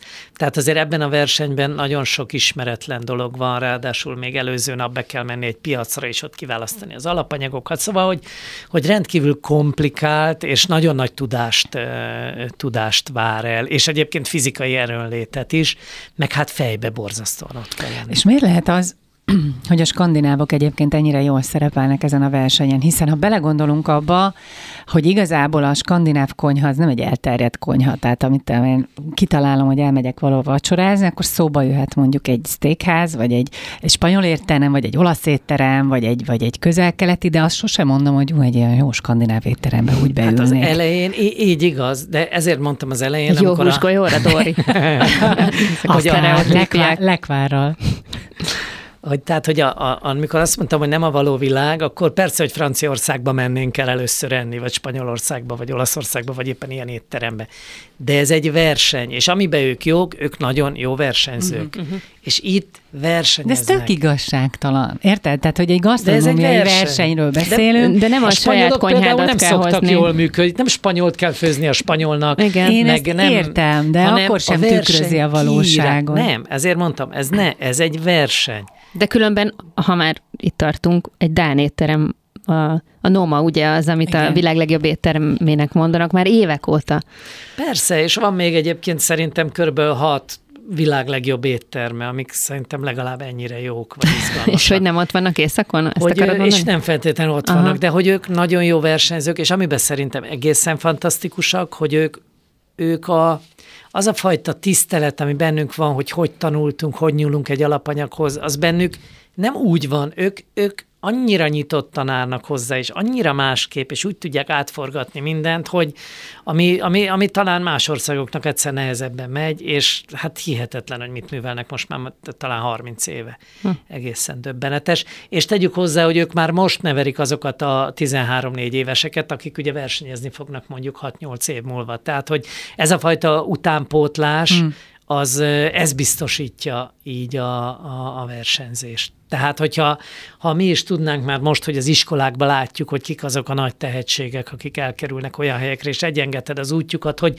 hogy abból a 10-15-ből odaérjen az az egy majd a végén. Tehát ezért mondtam, hogy ez mi, mint az élsport. Ha nincsen, nincsen nevelés, akkor, akkor nem fog folytatódni. Hm. Ez nagyon érdekes, bár azt hinni az ember, hogy aki tehetséges, és az nem kallódik el. Nem, tehát, hogy... nem kallódik el, igen, a szakmában, de az, hogy jó versenyző vagy, tehát ha, uh-huh. ha csak jó séfeket keresnénk a versenyre, akkor mi is baromi jók lennénk magyarok már régen-régen, de oda nem jó séf kell, hanem jó versenyző séf kell. És miért mondtad, hogy a lazac az jó lenne? Az, nem, az, Jó, könnyű, hát az azért- egy könnyű alapanyag? Azért lenne jó, mert semmilyen alapanyag ezen a szinten nem Már könnyű. nem könnyű. Tehát ez ne, De- ne úgy képzeljük el, hogy három percre megsütjük Bőr- egyik bőrén másikon. kisüt. Igen, de, de lehetnének, biztos vagyok benne, hogy ki tudnak találni egy-két olyan dolgot is, amivel nagyon meggyűlne a bajunk, mert ez ezen a szinten technológiailag már azért azt gondolom, hogy egészen De én pont jól arra megy. gondolnék, hogy a lazac az annyira magától értetődő, hogy abból valami olyat kihozni, ami jobb, mint a többieké, szerintem az sokkal nehezebb, mint egy Igaz. bonyolultabb alapanyag. Igaz, de ne feledd el, hogy azért ez a verseny, ez ugye ország imidzsépítés minden egyes uh-huh. országnak. És a kérdés az, hogy ők mit szeretnének szerintem magukról mondani. Ha ők még a lazacot szeretnék mondani magukról azt a minőségűen, akkor az lesz. Hát mondjuk ráférne, mert azért az el- elmúlt években volt néhány nagyon negatív kampány a norvég lazacokkal kapcsolatban. A, Ott is van Igen. Vadonfogót, meg Hát hát a van vadon- színezékkeletet, Igen. tehát meg van minden, ma nem, nem lazac lesz a védre. Összeengedik őket, és akkor én... Hát jó lazacot kell lenni, egyszerűen tudod meg Igen. kell keresni, hogyha hogy, hogy mit tettek. De ma már mindennek utána kell nézni, tehát meg tudsz őrülni. Én a gyerekeimet kicsikoruk óta tanítom, hogy olvassák el, hogy mi van ráírva, és kezd, kezdtük onnan, hogy a málna szörp, meg a málna ízű szörp, ugye az nagyon-nagyon nem ugyanaz. De például ezt szerintem már rég edukálni kéne a, a, a fiatalokat. De nem csak kreszt Hát kéne kedve- oktatni, kezdve- amit szintén nagyon kellene, Igen, hanem, hanem ezt is kellene De kezdve oktatni. azzal, hogy mondjuk az iskolai büfébe mit engedünk be. Hát igen. Hát és figyeljetek, megint- az hát kegyetlen. Ez pedig a- pedig erre nehéz. voltak már uh, Voltak, próbálkozások, és hogy szabályozzák. én És a teljes pénz győzött mértékben, valahogy és te, mindig. teljes, Igen. meg, a, meg tudod mi? Meg az, Meg hogy így elengedik, meg az, hogy így elengedik ezt a dolgot. Tehát, hogy egy ideig azt gondolják, hogy oké, ez fontos, de aztán mégsem annyira fontos, mert sokkal fontosabb, hogy nincs tábla, nincs kréta, nincs tanár, nincs tudom, és akkor már onnantól kezdve nem azzal fognak foglalkozni, hogy energiaitalt árusítanak a gyerekeknek, meg Micsoda? chipset, meg Ezt nem is hallottam ilyenről. Azért ez... Hát jó, nem kifejezetten a effektív azt az energiaitalt, amiben benne, de Mhm. hogy az a cég gyárt által gyártott ö, jeges tea, meg kóla, meg, érted? Tehát, hogy én eleve nem engednék be semmi Mhm. Ilyesmit egy iskolai büfébe. Tehát Na mindegy, szóval, hogy szerintem ez ugyanolyan szörnyű, mint az is, ahogy az ételeket színezzük, és, és mindenben már azt keresünk, hogy milyen, mennyire piros, mennyire olyan illata van, amit nem tud a, tehát a nagymamám nem tudott olyan lekvárt főzni, ilyen színűt, meg ilyet, amilyen a boltokban De van. ez igazi és gyümölcsből nem azért, mert nem volt. tudott főzni, igen. Na, és hogy, Igen. hogy e, szerintem erre nagyon nem figyelünk oda. És a legnagyobb baj, ilyenkor mindig azt mondják, hogy persze, mert hogy ez a pénz. De ez nem pénzkérdés az a helyzet. Már hogy jó- jobb minőségűt hát, hanem az, venni. hogy, hogy igen, hogy vegyük már meg azt, ami, hogy tudjuk mi az, ami szezonális, és nézzük meg a piacon, mert így is van elég baj, tehát már a zöldség annyiba kerül szinte, mint a hús. Ja, hát nem szinte, gyümöl- a gyümölcs- Szóval a gyümölcs az drágább, Abszolút. szóval, hogy van elég baj, csak minden drága, akkor legalább nézzük meg azokat a dolgokat, amiket veszük. És ezt kezdhetjük avval, hogy a ketchup milyen, hogy nézzük már meg, mi van ráírva. Hát, hogy cukor. Például. Igen. Engem ez most nagyon érdekel, úgyhogy majd folytatjuk ezzel, Dori. hogy piros a ketchup? Nem, hogy hanem, hanem hogy igazából a Viktor konyhájához menjünk most közel. Igen, pont ezt akartam mondani, és ez jutott eszembe, hogy, hogy mit főztél utoljára, és miből, és kinek. Szegál Viktorral folytatjuk nem sokára a kettes számrendszert. Kettes számrendszer. Most a Rádiókafén. Mondhatjuk az otthon főzést, mert azért itt a, a, a, már a piacon jártunk az előző Igen, piacon szettben. már voltunk. A piacon már já- jártunk, a sokat bevásároltunk. Szok, szoktál otthon főzni? Meg örvendezteted a családodat? Sokat, én nagyon sokat főzöm. Fu- Fura mód, mert ez, nem volt így, ez egyáltalán nem volt mindig így, sőt, hát mi gyakorlatilag nem főztünk, ha igen, akkor a feleségem néha. Viszont ahogy a És ő lányaink... neked főzni, vagy te már túl vagytok ezen réges régen, Micsoda? hogy, Hogy? ő mert eneket főzni. Ja, ő mert anyósom az, az volt inkább, a, ő, ő szegény sokáig volt uh, ilyen komoly, komoly stressz helyzetben a főzések miatt. Pedig én tényleg jó vendég vagyok, én az éttermekben is jó vendég vagyok, szóval én alapvetően hálás vagyok, ha valaki főz rám. Tehát, hogy én ezt tényleg értékelem, és különösen otthon tudom, hogy milyen nehéz főzni. Hiszen ugye csak mondjak egy példát, ha én otthon elkezdek főzni, akkor ugye egy pillanat alatt elfogy a vágódeszka, tányér, a kés, a, ugye ahhoz vagyok szokva, hogy oda nyúlok, ott van meghámozva, akár össze is vágva a hagyma, hát otthon semmi nincs, ugye egyszer csak elfogy minden. Fakanála, és akkor neki kell mosogatni. Szóval nekem ez kifejezetten lassú és megterhelő, hogy ilyen lass, tehát hogy én nekem fejbe a fél meg, óra meg főzés. nem dolgoznak a kezed alá. Igen, uh-huh. fél óra főzés, az otthon akkor másfél óra mondjuk. De a gyerekek miatt, mert ők nagyon szerettek főzni, és szeretnek is, ma már többet főznek otthon, mint én, és, és emiatt kezdtem el otthon főzni, úgyhogy én A én tanításuk imádok. miatt? Tehát, hogy, Én hogy imádok. átad egy picit a tudást nekik? Nem, ők, ők Egyszerűen akartak együtt főzni. akartatok igen, főzni. Igen, De igen, jó. Igen, velem akartak főzni, és utána mo- most meg már fordítva már megkérdezik, hogy mit kérek vacsorára, vagy reggelire, vagy És bármilyen bonyolultat akkor mondasz, megcsinálják? Én, hát ők tudnak olyan bonyolultat mondani kettőt, hogy abból melyiket kérem. Tehát, hogy nem úgy van, Mondjál hogy azt mondom, példát, hogy, hogy tükörtojás vagy rántottát, hanem hogy milyen omlettet kérek, vagy eh, szóval, hogy nálunk azért ez így más, eh, más, Más szinten dimenzió. zajlik, igen, teljesen. De jó. De de, azért- de nálunk a karácsony is, mi már, már október közepe körül már kitaláltuk, nem hogy a karácsonyi menőt, hanem a 25-ét, a 26-át, Szóval, hogy, De mondasz részleteket. szóval, hogy főzünk, nagyon sokat főzünk otthon, sok ázsiait is, uh-huh. meg egyébként magyar, szóval nagyon változatos a, nagyon változatos a főzés, meg engem is éppen mi, mi az, ami érdekel. Ugye a kex könyv kapcsán, hát mondjuk két Igen. évi kex, kex készítés ment, és Mert hogy a Viktor utolsó könyve, az a, mi a címe? Száz, Száz. száz kex. száz keks, na, Amit na, szeretsz. de jó, nem tudtam szeretsz, megegyezni. igen, Száz keks, hatával. amit szeretsz.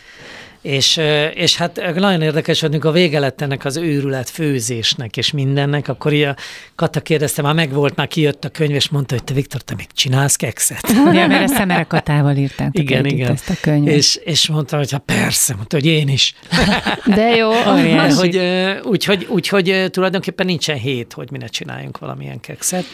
Bár van ez a furcsa kettősség, hogy most már kinyit a gyerek egy könyvet, és abból főzi, az fura, és ott van a, a és ott van benne a receptem, vagy hát a receptünk, amit csináltunk együtt. Szóval, hogy nagyon, nagyon izgalmas az is. Szóval sokat, sokat, sokat főzünk.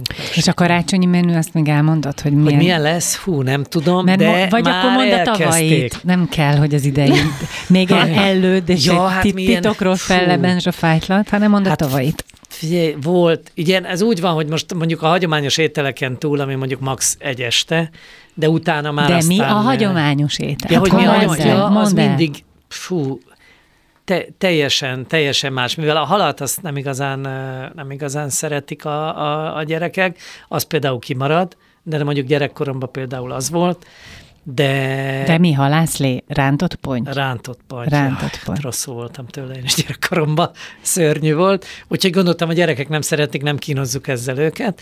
Úgyhogy, de például ugye azért nekünk a legtöbb karácsony az, az anyósoméknál van Erdélyben, úgyhogy uh-huh. azért ott töltött káposzta, uh-huh. hú, imádom valami egész ilyen agyagedényben uh-huh. megsütve vúszal, nagyon finom. Na de utána aztán jön az őrület. Tehát még például most a, a Juhos Józsi barátom, a cukrász mondtam neki, így egyszer eszembe jutott pár évvel ezelőtt, így karácsony előtt, hogy én, hogy én gyerekkoromban mézeskrémes. De hogy az már úgy eltűnt. Mm. Hogy ez hogy imádom. Na, ő megadta, a, mondta, hogy ő megadja a tuti receptet, és az tényleg az. Na, úgyhogy minden évben az ő receptje alapján készül például a mézeskrémes. Te készíted? Vagy a Amit gyerekek? persze, most már a gyerekek, uh-huh. sőt a kisebbik lányom, mert ő ebben, ő inkább aki süt, a nagyobb meg aki, aki főz, és aztán persze variáljuk azt is, hogy már ilyen krémmel, meg tehát egy picit már így időnként újra gondoljuk, de alapvetően maradt a, az eredeti, és aztán jön mindenféle ázsiai ételek, és fú, ami éppen alapanyag, én nagyon szeretem a padlizsánt, és azzal nagyon sokat főzök, és nagyon sok mindent készítünk, meg egyébként egyszerűen csak friss tésztát csinálok, ott a tésztagép, hát az mondjuk 10 perc, még pihen 20 a hűtőbe, addig ki is találod, hogy mi legyen belőle, és sokszor én is olyan vagyok, mint a háziasszonyok a hazafele a szatyorral, hogy kitalálják, hogy mi van a kezébe, meg a hűtőbe, és abból főz, Én ezt szeretem a legjobban és benne. az, és ez nagyon ami van, izgalmas dolog. abból. Hát például most megyek Olaszországba, Dél-Olaszországba főzni, ugye két, két nap múlva indulok, és ott egy ilyen luxus butik hotelnek a, a vendégeinek fogok főzni egy hétvégét, és hát olaszok, hát én próbáltam előre menüt küldeni, de hát mondták, Viktor, hagyja, tehát ide jössz, elmész, megnézed. És rájöttem, hogy mit akarok én így készülni stresszen, hogy egyik nap ez lesz, ez így összkitalálom. Hát ez Majd nem működik. a piacot. Ez nem működik, megyünk a piacra, körülnézek, úgyhogy megyek egy nappal előbb, mint gondoltam, korábban pont ezért. Kiválasztom, megnézem, és akkor majd ott főzök. És ebből tényleg fantasztikus dolgok szoktak születni. De, akkor ilyen- mégis stresszelsz, mert egy nappal korábban mész ki a Én piacra. mindig stresszelek ilyenek lenn pontosabban, hát én, én, én izgulok, de én a rendezvények előtt is, és na és akkor izgulnék a legjobban, ha egyszer nem izgulnék, mert nem érezném ezt a fajta stressz, na az, az meg, az, az szerintem az, az lenne, amikor így abba kell hagyni. És amikor így külföldre mész, éttermek vagy szállodák konyhájára, hogy a, vagy rendbe tedd, vagy egy ilyen ö, bemutató főzést csinálj, akkor ilyenkor gondolkodsz azon, hogy beleviszel egy touch of Hungary-t? Vagy pedig ott Olaszországban olasz, ö, olasz ízeket fogsz reprodukálni? Igen, egy ideig azt gondoltam, hogy egyáltalán nem viszek be semmiféle ilyen magyar, csak ha akarom. De valójában meg észrevettem, hogy csak valahogy ott van. Egy piros arany a hátsó zsebben. valami, igen, Kis nem, nem, de, de azért a, úgy a fokhagyma, meg azért a piros paprika, meg, meg például a halászlének maga a, a leve, a, a bajai halászlének a hallé, hát az teljesen el tudja A bajainak? Tehát, hogy akkor nem a- bajainak De Nem nem a- Szeged is, vagy hanem Baja is? De azért, mert most ugye a külföldieknek azért ez a, a az, az, az egy kicsit az, az, az kemény, ahhoz még az nagyon haladóknak kell legyenek. Komolyan. Igen, és a, Szerintem a, pedig szóval se jöhet Viszont, más. hát igen, de mert te halászlét teszel, én viszont csak egy hal levet Ja, értem, készítek aha. így, és abból aztán készítek mindenféle ételt, és ez Igen, így, az így nagyon más. persze. Igen. Az nagyon más, hiszen ezt tengeri halakból csinálod. Tehát, Hát hogy ahhoz egy ilyen átpasszírozott, ilyen pépes, izé, az igen, tényleg az egy nem, kicsit nem már háztos. biztos. Meg hát ugye teljesen más menük, úgyhogy általában én szeretek készülni, tehát nem szeretem, ha feltétlen rögtönözni kell, de ahogy erről beszéltünk, az élet az legtöbbször ezt szokta hozni. És hogy lehet az, hogy Spanyolországban sokat hívnak téged vissza? Szóval, hogy ott valahogy a te konyhád, vagy a te stílusod nagyon bejön, úgy tűnik. Igen, és hát főleg azért, mert ott egy olyan projekt van, amit, ahol én már régen szerettem volna ilyet készíteni, ilyen, ilyen helyet nyitni, ahol, eh, ahol egészséges dolgok vannak. Tehát, hogy ott kifejezetten eh, egészséges melegételek vannak, és most az egészséges alatt azt értem, hogy, hogy zöldségek, halak, de mondjuk nincsen cukor, de nem úgy, hogy kiírjuk, hogy itt nincs cukor, meg liszt, meg minden gluténmentes, hanem egyszerűen csak erre oda van figyelve, rengeteg fiatal jár, de szerencsére most pont néztem, hogy azért itt a 21-2-3 évestől mondjuk a 70 évesig minden, mindenki, sok külföldi, sok helyi, de alapvetően ezek az ételek, ezek egészségesek, tehát nagyon sok hal, friss zöldség. És, ez a te stílusod is? Tehát Én egybevág? nagyon szeretem, igen, nagyon szeretem, és nagyon szerettem volna csinálni egy ilyen helyet, és hát nagyon remélem, hogy ezt talán meg lehet csinálni előbb-utóbb itthon is, mert nagyon szeretném. Ott most megyünk még tovább, mert valószínűleg lesz még több étterem ugyanezen a, ugyanezen a vonalon tovább, de minden esetre én azt látom, hogy, hogy külföldön szeretik, és ilyen szempontból nincs különbség köztünk és a külföldiek között, mert mondjuk Barcelonában is ott van az egész világ, hát nem beszélve arról, hogy hány, hány ezer magyar érkezik oda nap, mint nap. Szóval... De szóval ezt úgy kell elképzelni, hogy odamész, ahol rend, mondjuk akkor itt rendszeresen dolgozol, igaz, Barcelonában, és akkor Igen. odamész, összeállítasz egy menüsort, és akkor ez megy egy darabig, és akkor megint mész, megint össze. Szezon, váltáskor gondolom. Nem? Persze, szezonváltás, meg hát itt ugye szerettem volna a napszakokat is, tehát itt azért van most már egy nagyon erős bráncs, ami eddig nem volt, hmm. az estékre egy mely, tehát tulajdonképpen itt három napszakra, hát három viszonylag más dolgot készítek, ami Hát egyrészt nagyon izgalmas, és mindig lehet kísérletezni, és, és én aztán itt szeretem még, még, ö, még tovább vinni, meg tovább gondolni, meg ugye nézve azt, ugye a magyar, mai technológiában nagyon klassz, hogy napi szinten látom, hogy mi az, amit ö, választanak a vendégek, mi az, amit esznek, mi az, amit kérnek hozzá. Szóval ezek mind olyan izgalmas dolgok, ami ugye mentén tovább tudsz menni. Tehát például láttam, nagyon-nagyon szeretik a, a halakat, úgyhogy a mostani menü, amit most két hét múlva, három hét múlva megyek ki megint, és akkor, ö, akkor folytatjuk a dolgot. Addig pedig most megyek Dél-Olaszország, utána Észak-Olaszország, még egy munka, és aztán utána vissza Barcelona. Közte pedig itthon dolgozom, úgyhogy nagyon izgalmas, nagyon szeretem, tényleg.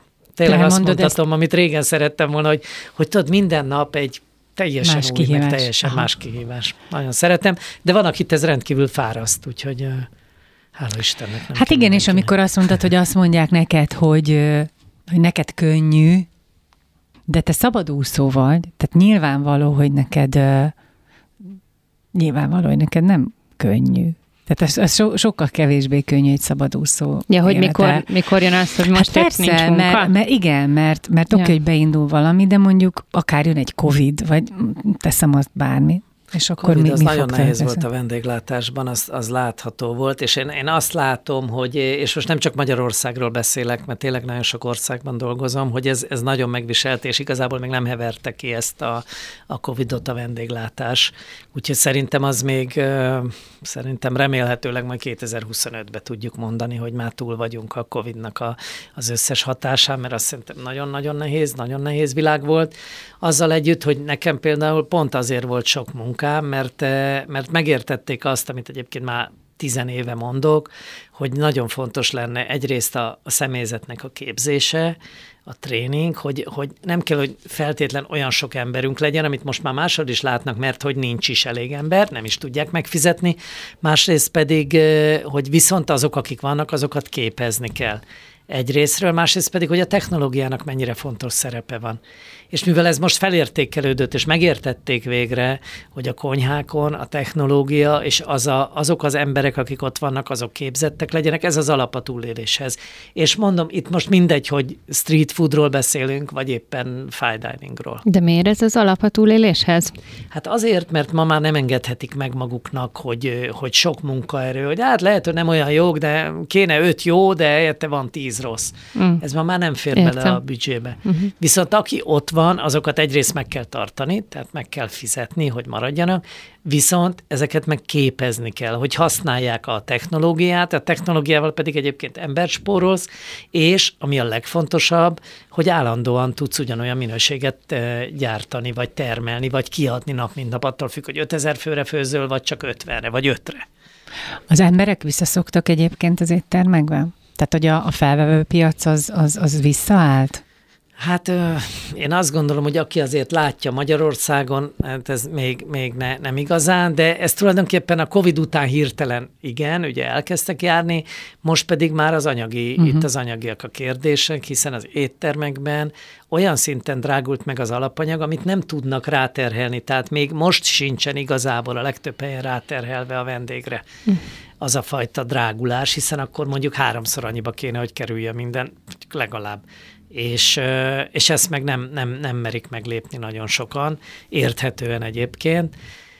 Szóval, hogy nagyon-nagyon-nagyon nehéz, és plusz még ugye az, hogy nincs elég képzett szakember, külföldre mennek, de külföldön is nehéz a helyzet, szóval, szóval nehéz, na, az igazság az, hogy nehéz, tehát, hogy nem állt vissza a, vendégek. A, tehát a legtöbben szeretnének étterembe járni, a kérdés az, hogy ha mennek, akkor hova mennek, hogy mit engednek meg maguknak a, az ol- nagyon olcsó gyors éttermet, vagy a gyors éttermek közül mondjuk minősebb, minős, minőségibbet, vagy be tudnak ülni egy, egy, egy magyar étterembe és enni egy, nem tudom, a hétvégén egy jó pörköltet, vagy nem tudják megengedni maguknak. Szóval azt hiszem, hogy most inkább a túlélésről szól minden.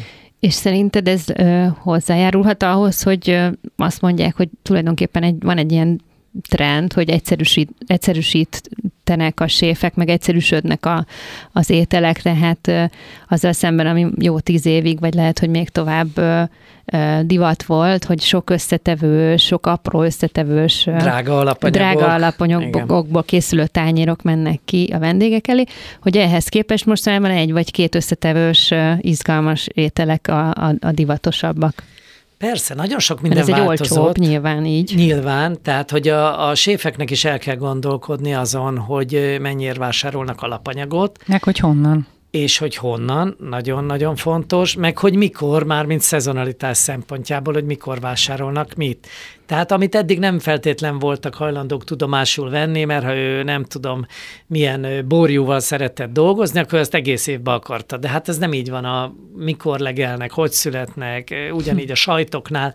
Tehát, hogy, hogy talán, és én azt gondolom, hogy ez a része maradni is fog, hogy odafigyelnek, hogy, hogy nem mindig bélszínből kell valamit készíteni, hanem lehet sertésből, meg csirkéből nagyon jó dolgokat csinálni. Ha szezonálisan vásárolunk, a környékből vásárolunk, az jó esetben olcsóbb, ráadásul jobban szeretik az emberek, tehát még üzenete is van annak, hogy mi igen a helyieket támogatjuk, ami persze nem mindig egyszerű, hiszen ez sokszor drágább, mint mondjuk megvenni külföldről a nem tudom, a nagyon olcsó fokhagymát, és nem pedig a, nem pedig a környékünkről, a termelőről. Szóval, hogy még ebben is van egyfajta kettőség, kicsit ilyen ellentmondásos, de, de szerintem elindultunk ezen az úton. Tehát az alapanyagokra is sokkal jobban odafigyelnek, és ami talán a legfontosabb, hogy a vendégekre jobban odafigyelnek.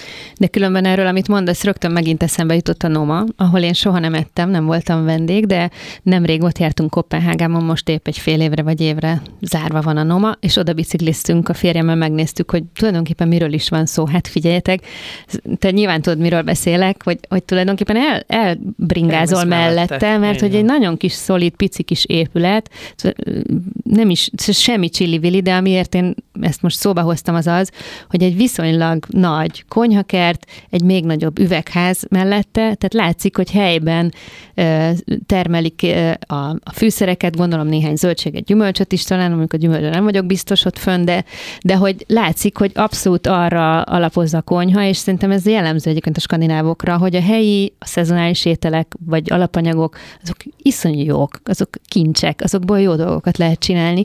És például ugye a Noma, amiről beszélünk, Bizony. a világ leghíresebb vagy legizgalmasabb, egyik legizgalmasabb étterme is így főz. Tehát gondolom, hogy te is ilyen tanácsokat adsz, amikor mész ilyen helyekre. Igen, azzal együtt, hogy ugye pont ahogy mondtam, hogy tulajdonképpen ez a túlélésért való küzdelemben, ugye mindenki másképpen próbál ezen túlélni. Mm. És van, aki így, hogy előre menekül tulajdonképpen, bár ez egy ilyen hülye szó összetétel, de mondjuk inkább azt mondom, hogy előre megy, és, és azt mondja, hogy ő, ő, ő látja, hogy milyen, milyen sztorit, mit kell adni az embereknek, mi az, amit, amit szerintük, amiért elhiszik hogy, hogy ott, hiszen a Nomába is, el, ha csak jó lenne, csak simán nagyon jó lenne az étterem, akkor egy lenne a több, többi közül. De hogy így, ez egy hogy, ilyen marketing rész. Így, hogy, tehát ugye a marketing rendkívül fontos, és ez fontos a, a kicsi kifőzdétől a fine diningig mindenkinek fontos és akkor tudjuk kiválasztani, mint vendégek, hogy hova szeretnénk elmenni. Hm.